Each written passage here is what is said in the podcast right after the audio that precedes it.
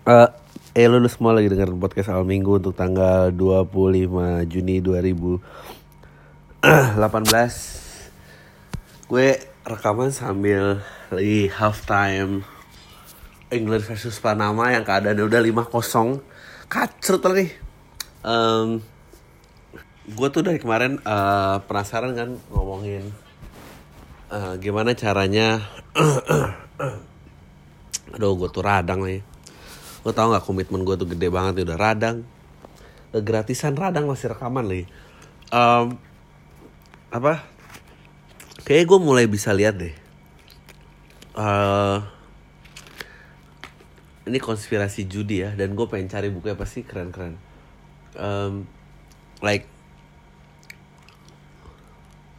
Mungkin lo gak bisa nyuruh tim untuk menang tapi lu bisa nyuruh tim buat kalah. Itu kayaknya lebih gampang diatur deh. Eh dan gue percaya banget fix 2018 FIFA World Cup tuh menurut gue eh, matchnya diatur. Karena karena eh, tim unggulan dia either struggling atau kalah di pertandingan pertama Abis itu pertandingan kedua comeback luar biasa. Ya kecuali kayak Jerman gitu gue nggak tahu sih gimana caranya karena dia baru unggul di menit-menit terakhir. Ah, tapi even that lah, menurut gue Jerman can easily beat Mexico. Tapi dia nggak ini. Terus semua yang pendukung Jerman jadi ragu, and then orang akan taruhan sama tim sebelahnya kayak Inggris sekarang gitu kayak Wah Inggris nggak pernah dijagokan, oke Inggris tapi dimenangin tapi menang eh, jangan banyak-banyak ya turunin aja lu cukup menang aja gitu. Tapi begitu sekarang Panama was equal loh lawan Belgia halftime pertama ya. Halftime tuh equal nggak ini ketebak begitu habis itu Belgia dihajar abis gitu. Maksudnya mungkin karena Panama gitu first appearance di World Cup eh, banyak sentimen yang gede mungkin banyak masuk bet dari Panama gimana pun juga lu nggak bisa logical dalam bertarung bola, bertaruh bola gitu. Pasti sentimen emosionalnya banyak dan apa namanya? Ya gitulah pokoknya. Apalagi negara gini gitu pasti kayak hmm, lu gue punya teman yang gue lupa websitenya. Eh, yang hidup pokoknya gaji pokoknya dia tuh cuma buat ditransfer ke orang tua. Semuanya karena dia ngulehin adiknya. Semua dia bayar kos beli HP beli motor cicilan motor cicilan motor beli HP eh, ya baju apa segala macam semua dari judi. Menurut gue tuh luar biasa sih. Maksudnya tuh hustler mentality banget dan di kantor lama gue tuh gue ngomong gitu ditangkap orang ya. Em, sampai parah banget. Kayak eh, judi tuh eh, ini nongkrong di jalanan depan kantor plat mana yang bakal keluar gitu ganjil apa genap. Tai banget itu udah parah sih kayak gitu. Hmm. Tunggu bentar. Gue pertandingan mulai gue coba pause dulu. Am- Em, Iya gue rasa kayak gitu sih. Kayak mm, mereka me- emang harus megang jago. Dan waktu itu juga eh, kalau NBA tuh Michael Jordan the famous flu game dia em, pokoknya tiba-tiba hari main itu em, dia itu eh ya allegedly katanya ada yang ini meracuni dia sebelum pertandingan karena dia nggak bisa dikontrol. Jadi dia pengen dibikin kalah aja dan bokapnya meninggal gitu eh ternyata terlibat sama utang judi itu yang nggak pernah dipublishin gosipnya. Jadi kayak tapi keren sih maksudnya em, mafia mengkontrol dunia hiburan dan olahraga tuh menurut gue kejadian yang keren dan em, nggak nggak pernah dibawa ke permukaan gitu dan eh banyak lah stand up juga banyak waktu itu di Amerika kayak gitu. Ya terus um, ya dulu tuh kayak zaman Jay Leno gitu um, dia bilang uh, dulu tuh nggak ada komedi club nggak ada um, tempat khusus buat berkomedi. Uh, stand up was used uh, untuk ngebuka uh, show stripper gitu. Jadi sebelum stripper keluar orang stand up dulu anjing lo kebayang gak sih mental kayak apa yang harus dimilikin para komedian zaman itu gitu untuk um, apa namanya uh, uh, anjing lu bayang gak sih lu ngehibur penonton yang datang pengen lihat cewek telanjang men? Dan lu kayak eh gue nggak ngerti deh ada masalah gue dengan ibu gue kayak fuck lah siapa yang mau denger anjing?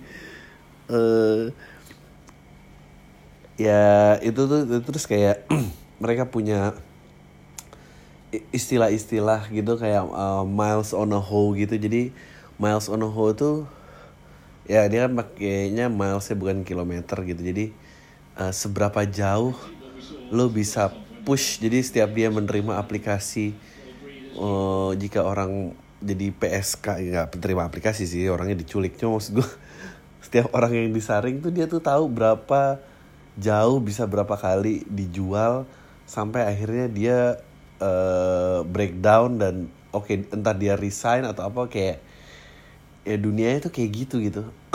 Dan uh, seorang apa sih itu istilahnya? Pim tuh apa sih? Oh germo. Germo tuh mucikari.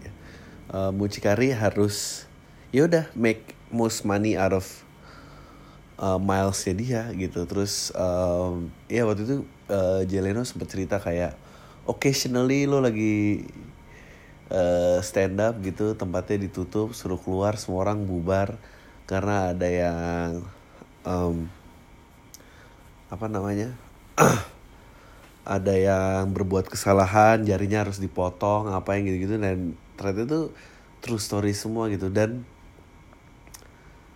it's nggak eh, tahu ya. Gue tuh gue tuh seneng sih menceritakan sesuatu hal yang dekat dan kejadian gitu kayak uh, eh, gue karena gue yakin di sini sama dan di sini le jauh lebih underground lagi gitu. Karena benar-benar nggak ada yang ya udah nggak ada yang pernah ngomongin judi dan apa gitu. Karena kan memang kan uh, salah satu ya itu bisnis yang paling tua kan gitu. Selain prostitusi adalah uh, perjudian gitu saat mulai orang menemukan mengukur hidup dengan uh, uang ya mau nggak mau lah orang berusaha balapan untuk menjadi yang teratas di situ gitu. Dan streaming gue aduh bang nih kenapa sih harus pakai antena lokal? Nggak bisa gitu pakai antena lokal streaming malah telat lagi. Udah gitu ya ada sih yang gratis tapi um, pakai mainstream ya tapi gitu deh susah banget gitu nggak nggak. Um, nggak dapet dapet eh bukan nggak dapet dapet nggak bisa gue lempar ke layar gitu. Ih kesel banget gue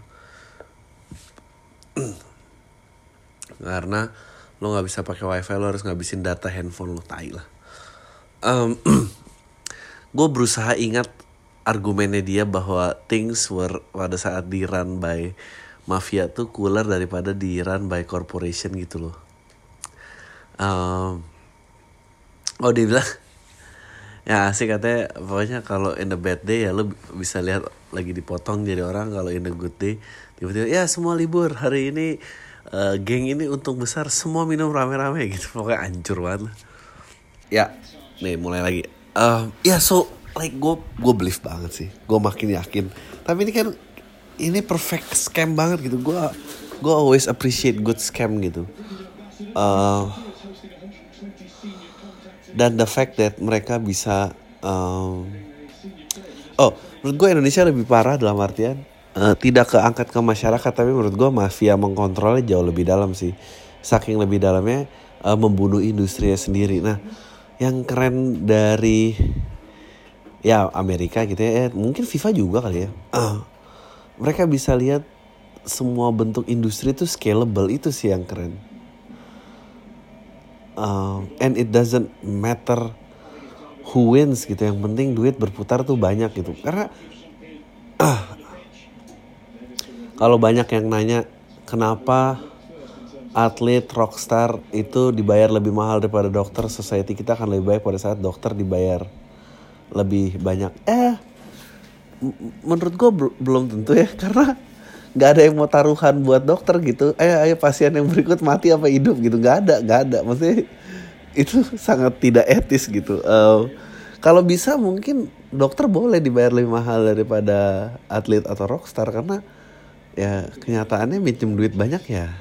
Eh biar bisa bikin eh bisa bikin duit berputar di situ banyak ya taruhannya gitu. Maksudnya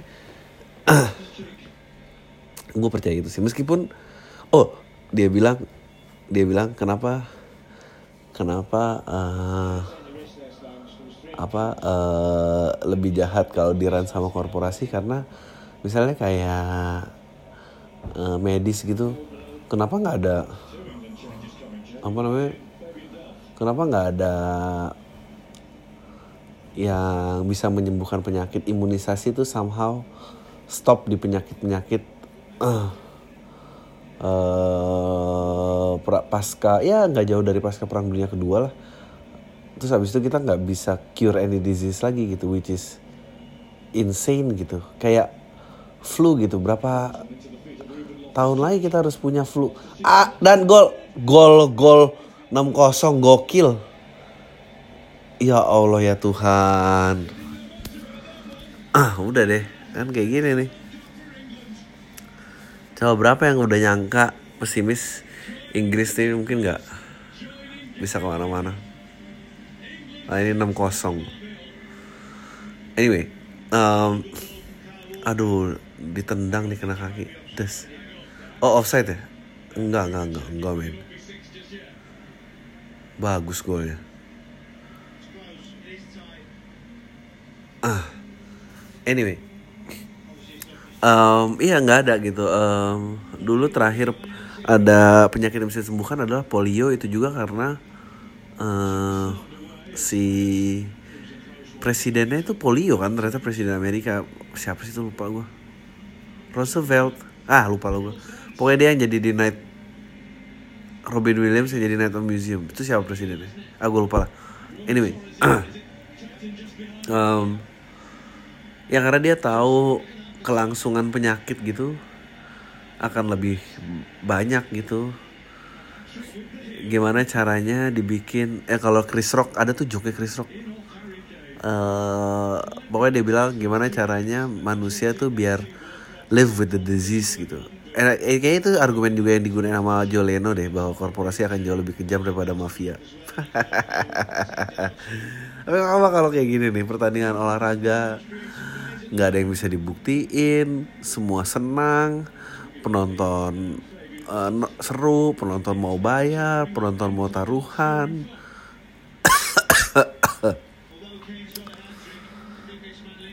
Coba kalau ya itu dia kenapa mungkin uh, olahraga di Indonesia sulit maju kali ya nggak scalable makanya uh, tapi olahraga juga hanya produk-produk olahraga. Oh. Ini yang kadang-kadang membuat gue yakin ya uh, kiri itu kalah gitu. Karena meskipun gue orangnya puritan gitu gue mengutamakan kualitas kemurnian sebuah uh, bentuk gitu karena lama-lama penonton itu bosan dan harus diganti gitu. Oh shit hampir aja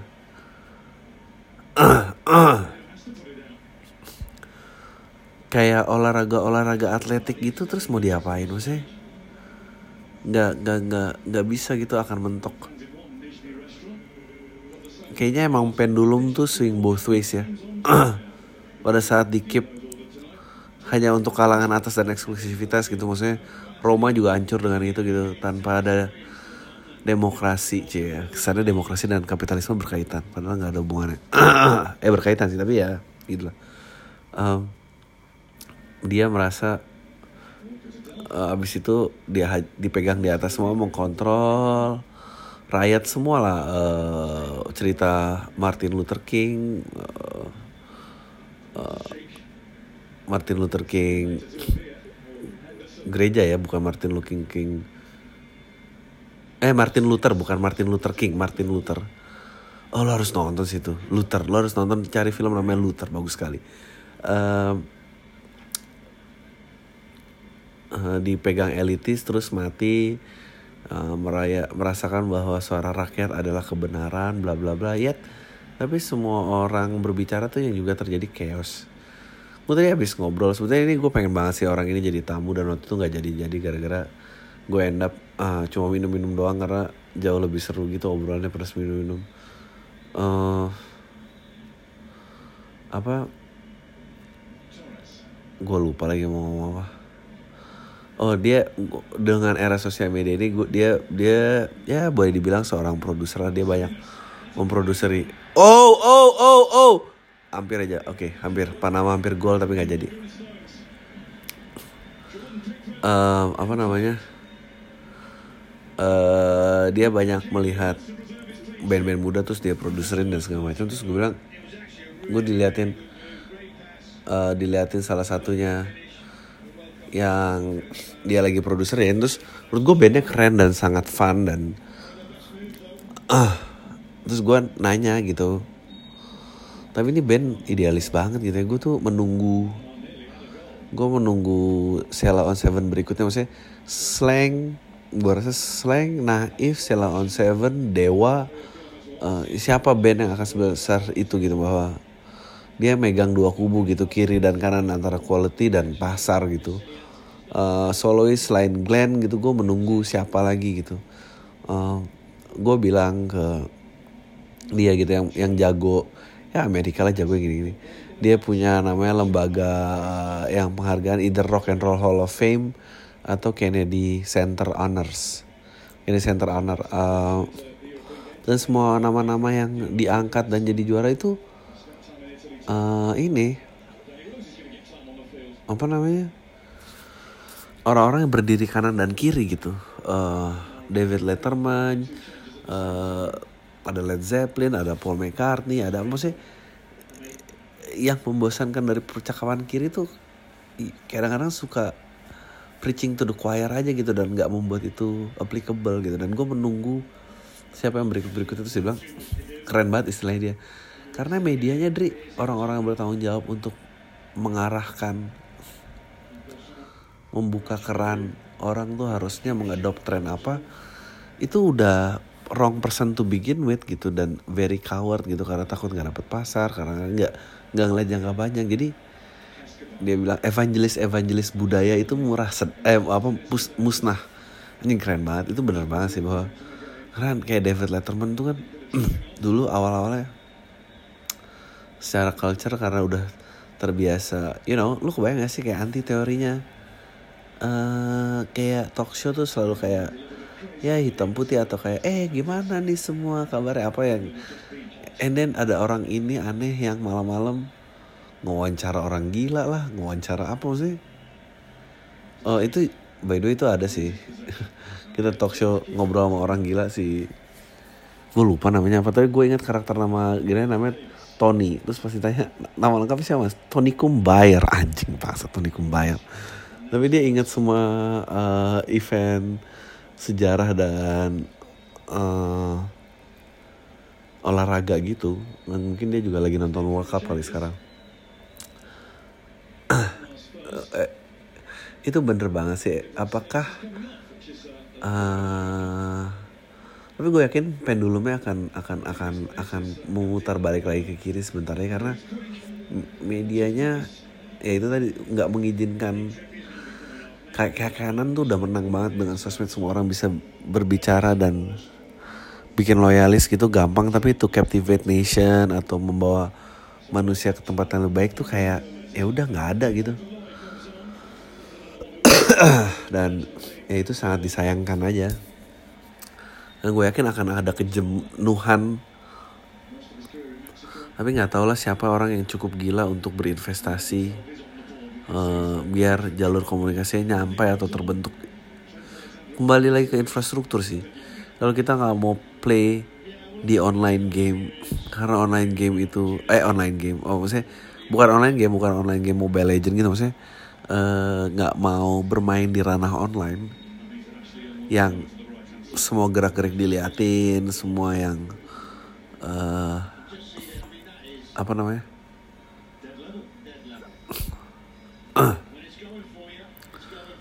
Uh, anjing bagus banget ya golnya lolos dari offside lagi garis gitu. Uh, ya itu apa permainan di online gitu semua orang mengawasi easy untuk create loyalist semua orang cuma akan dibombardir dari keywords yang mereka search ya semua terbendung gitu. Ya kita harus going off grid. Ini kan mulai banyak ya cerita-cerita going off grid gitu ya. Keluar dari sistem dan membuat virality of system itu yang susah gitu. Uh, kemarin uh, Ipang juga seru banget gitu. Ada uh, temennya yang bermain uh, mengubah billboard billboard di Ambon itu karena kosong nggak ada masa iklan dia. Isi dengan puisi atau apa gitu. Dan uh, dia omongin banyak orang. Dan dan dia berusaha mengutilis itu untuk tujuan yang lebih besar gitu. Yang problem yang salah satu paling besarnya adalah penanggulangan sampah dan itu kayak aduh ini mah gol lagi lah. Aduh aduh. Oke. Okay. um, sebetulnya seru nih ya komentator bola sambil podcast gini juga enak nih. Tinggal ngundang siapa gitu. Living off grid kayak apa balik lagi tadi? Tapi susah sih jadi cult doang. Kayak 13 reason why itu kan contoh off grid tuh uh, somehow uh, Gen Z menurut gue punya semangat throwback dan apresiasi yang jauh lebih kuat daripada millennials gitu dengan ah ya gitulah. Gue sambil ya dengan populernya kaset CD apa gitu-gitu tuh tapi nggak gede sih kesihir itu yang kesel gimana caranya gue pengen banget gue nunggu lagi sih kayak kayak sebuah pencerahan atau sebuah perwakilan yang disupport rame-rame gitu loh. Uh, ah ini mah gol nih, free kick nih gol nih. Menit 72, apakah gol? Des. Aduh. Au. Oh, hampir aja. Bagus banget tendangannya first time ya uh, anyway kayak lagunya Bruno Mars gitu. Dead itu ternyata kan uh, dia pinter banget sih pakai itu. Bunyi dead itu bunyi symphony apa gitu yang diambil itu salah satu bunyi yang didigitize pertama kali. And then digunain di tahun awal-awal di late 80s awal 90-an terus dia revive lagi dan ah such a cool thing aja gitu.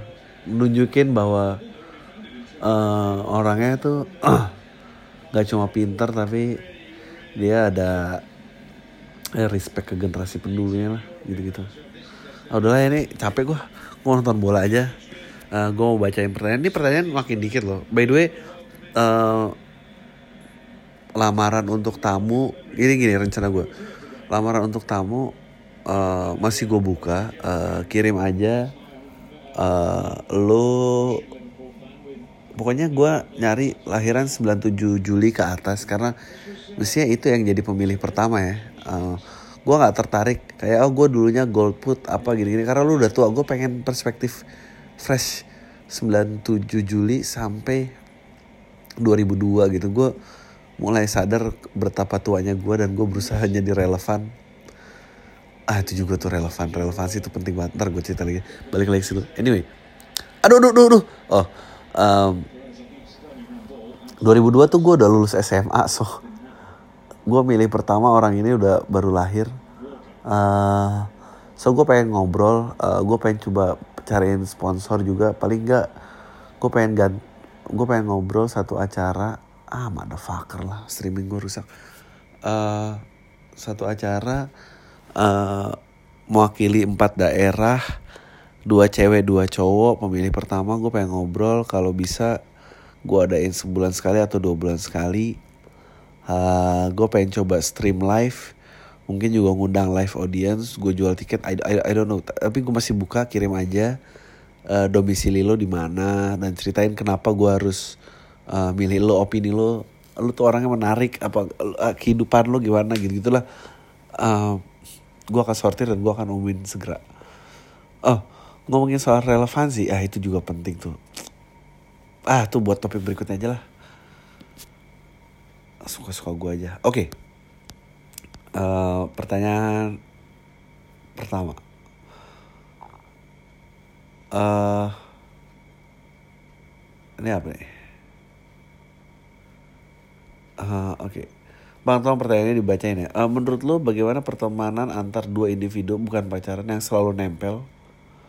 Uh, ya nggak apa-apa lah. Pasti ada yang pengen lah salah satu kejebak friendzone mungkin atau uh, iya atau uh, teman karena temannya dia pacaran sama temennya nggak tega mau nikung. Ah menurut lo kemungkinan salah satunya bisa jadi posesif terhadap temannya satu lagi? Ya besar lah.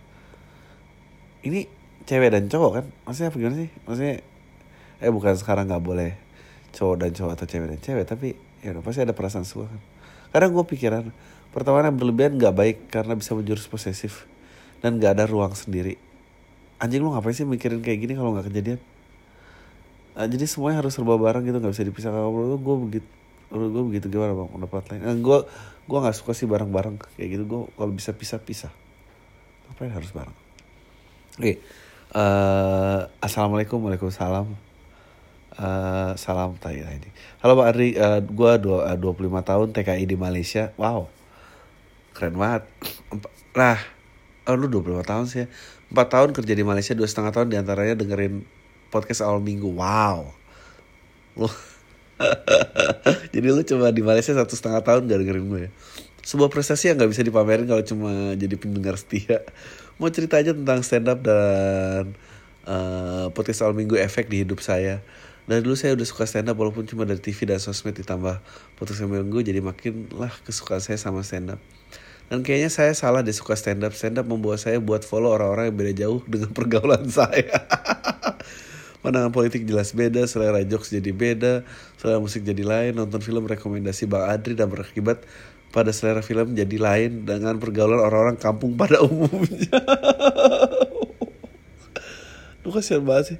Pokoknya jadi tahu hal-hal yang seharusnya orang kampung kayak saya nggak tahu. Mohon lah, nggak ada lagi orang kampung. Semisal tak uh, tahu tipikal anak selatan, gosip antar komika, tahu juga kalau nongkrong di kafe Jakarta bisa habis jutaan sekali datang. Buat apa coba saya tahu hal-hal kayak gitu? Terus cewek idaman saya pun jadi berubah sampai saya pernah pulang kampung di lima bulan. Dan cewek di rumah terus balik ke Malaysia sampai sini tiga bulan saya putusin. Karena selama bulan-bulan itu obrolan saya makin gak nyambung sekarang saya jadi depresi. Padahal penting kehangatan bukan keakraban. Nyari cewek lagi jadi susah.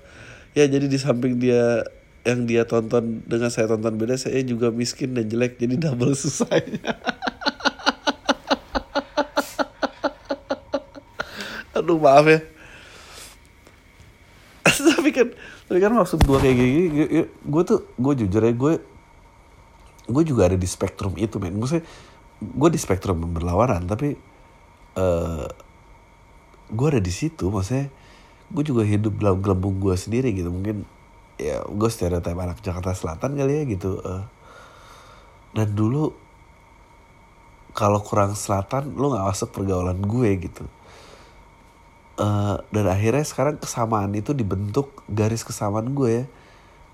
Gue nggak peduli intelektual gue tidak peduli ekonomi. Yang gue peduli itu uh, kemandirian. Nah itu jadi garis tengah buat banyak orang. Kemandirian dan kreativitas tapi kreativitas overrated lah. Maksudnya semua orang pasti kreatif semua orang pasti punya cerita gitu. Uh, kemandirian dan sama, sama keberanian orang untuk berjuang? Gue gue udah gak mikirin tentang oh dia sih pekerjaannya keren ya gitu ngejar passion. Oh ini gaji enggak menurut gue yang keren itu lu bisa utilize apa yang uh, jadi kesempatan lo gitu. Dan pada saat lo ngelakuin itu gue berharapnya lu nggak ngerasa lagi kerdil, lu nggak ngerasa lagi miskin, lu nggak ngerasa lagi lu tuh jelek, gak ada. Karena itu hal-hal yang gak semua orang lain punya men. Gue gue yakin, gue yakin sungguh ya. Kayak, aduh tapi, gue yakin sungguh ya, gue gue jauh lebih banyak bisa ngobrol sama lo daripada gue sama anak uh, anak ekonomi atas yang uh, kawin dan rumahnya di, dibayar orang tuanya. Dan pada saat karirnya biasa-biasa aja dia kuliah S2 gue udah gak mau main di situ. Dan lu juga eh nggak tahu ya. Ya gitulah. Anyway. Sekarang saya dilema pengen banget pergaulan lagi kayak teman-teman di rumah karena sembilan bulan lagi kontrak saya habis dan pulang nggak balik lagi ke sini. Ya bergaul aja. Maksudnya lu nggak perlu menunjukkan betapa um, kompleksnya lo betapa betapa ya lo bisa senyum buat orang lain lo bisa memberikan panggung buat orang lain. Karena apa? Karena ya mungkin lo secara intelektual udah berjalan lebih jauh daripada mereka gitu. Dan untuk mencapai pergaulan yang lebih luas saya harus bisa keluar dari gelembung saya betul buat yang saya buat sendiri selama bertahun-tahun dan itu susah. Karena cuma itu hiburan saya di sini. Menurut Bang Ari apakah saya harus unfollow semua orang-orang yang saya tahu dari pam dan stand up dan mulai mencari hal baru lagi agar teman saya bertambah? Oh absolutely man. Gue nggak berharap sih ada orang mau dengerin ini lebih dari 2-3 tahun. Lo harus gue cuma ngasih pondasi bahwa eh opsi di luar sana.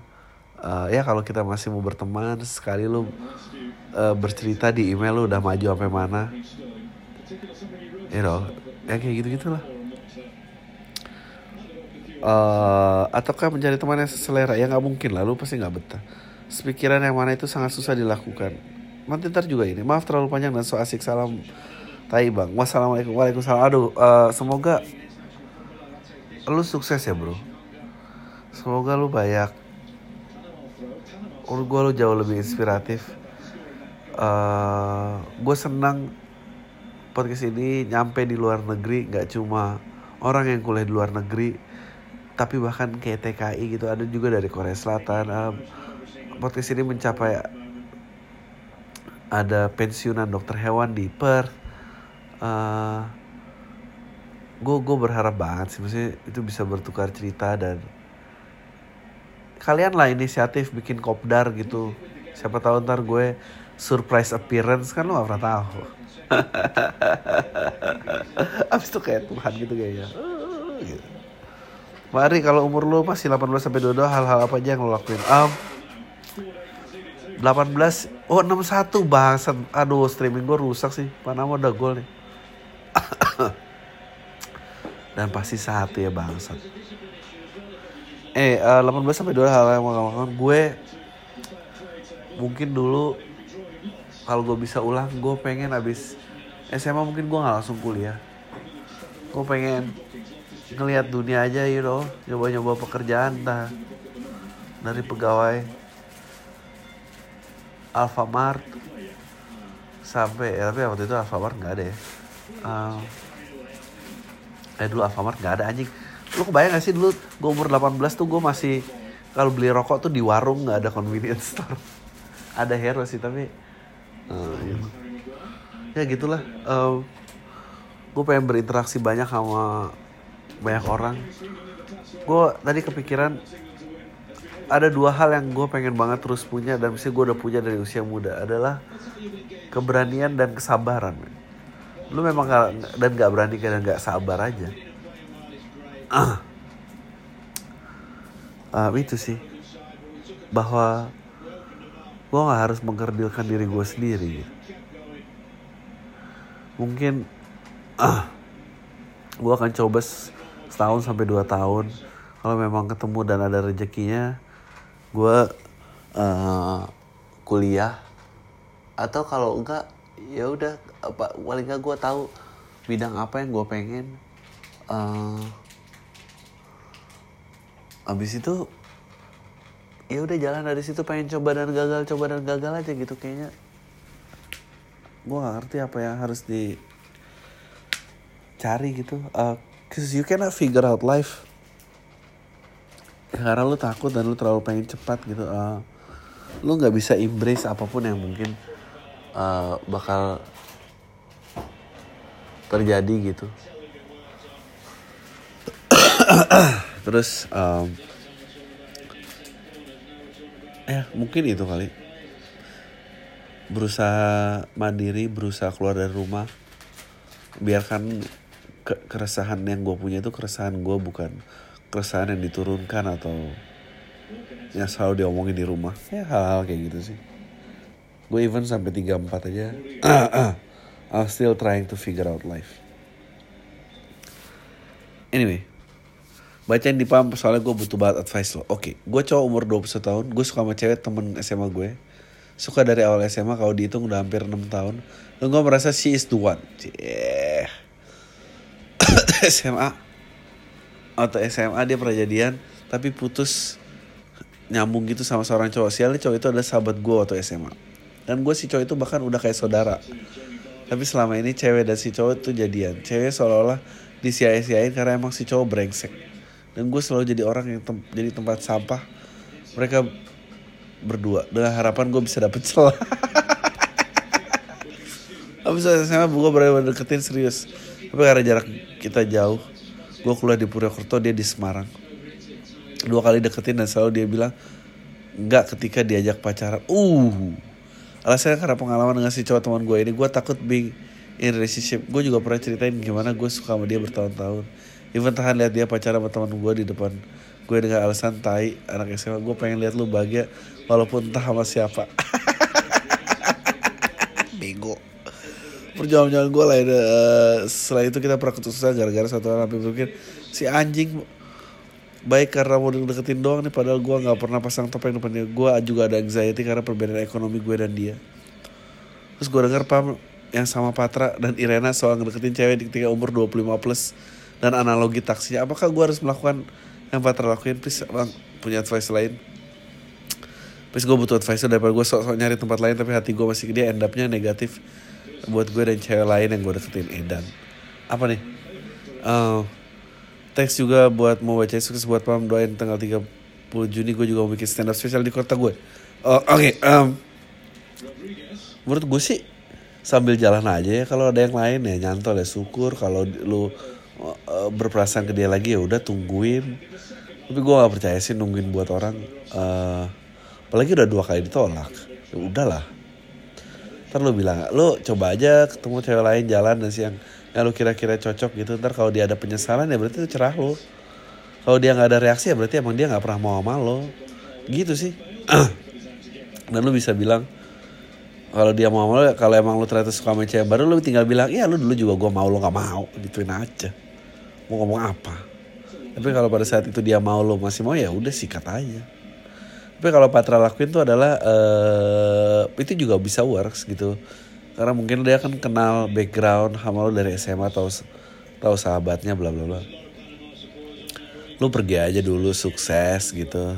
Terus sok-sok ketemu gede gitu kamu udah lain ya sekarangnya beda kayak waktu itu gitu itu lumayan tuh ah. Oke. Okay. Bang, gue mau tanya kalau rumah sakit urusannya orientasi udah bisnis bukan pendidikan secara kesehatan, menurut tuh salah kagak bang? Alasannya apa? Ini kayaknya bisa jadi topik sendiri ya. Tadi gue sempat bahas dikit. Tapi gue tuh takut bermain dengan rumah sakit karena menurut gue kejam gitu. Mendingan olahraga gitu kalau uh, kalau ada sesuatu yang dicari duit gitu mendingan dari judi olahraga. Uh, uh, ya itu susah sih. Kalau mau kiri tuh nggak ada duitnya memang. Sementara dunia berputar karena duit Bang, terima kasih atas konsistensinya di podcast ini walaupun bukan lagi pendengar yang nungguin tiap minggu, tapi kalau ada perlu teman nyetir pam andalan gue deh. By the way, 3 episode terakhir 4, 11, 18 Juni keren bang. Mau tanya dikit, pernah atau suka dengerin rekaman dulu nggak? Ada episode pam uh, favorit? Uh,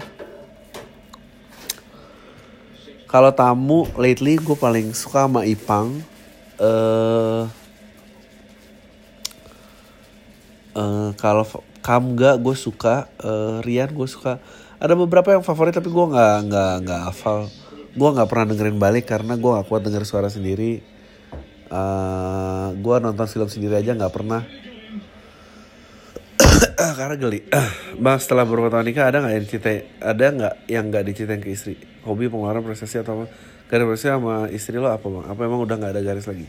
Penasaran aja bang, semoga dijawab. Um, kita kayaknya cukup menjaga personal space masing-masing ya gitu. Uh, banyak banyak kok dari dia uh, yang gue juga nggak tahu dan uh, kayaknya mungkin dia juga nggak mau ngasih tahu. Jadi gue mau hormati itu dan kayaknya gue juga kayak gitu. Uh, perteman uh, kantor bisnis uh, gitu-gitu uh, cukup jadi ruang. Uh, permasalahan keluarga besar itu cukup jadi ruang. Uh, ya gue berusaha nggak inilah. Nggak nggak terlalu untuk itu. Gue gua nggak percaya nempel terus gitu sih. Hancur sih pasti. Oke okay, next. Saran tamu ah ya gue pertimbangin lah orangnya. Oke okay, ini terakhir. Gue mau titip salam dan pesan buat username XYZ di aplikasi Whisper. Hah?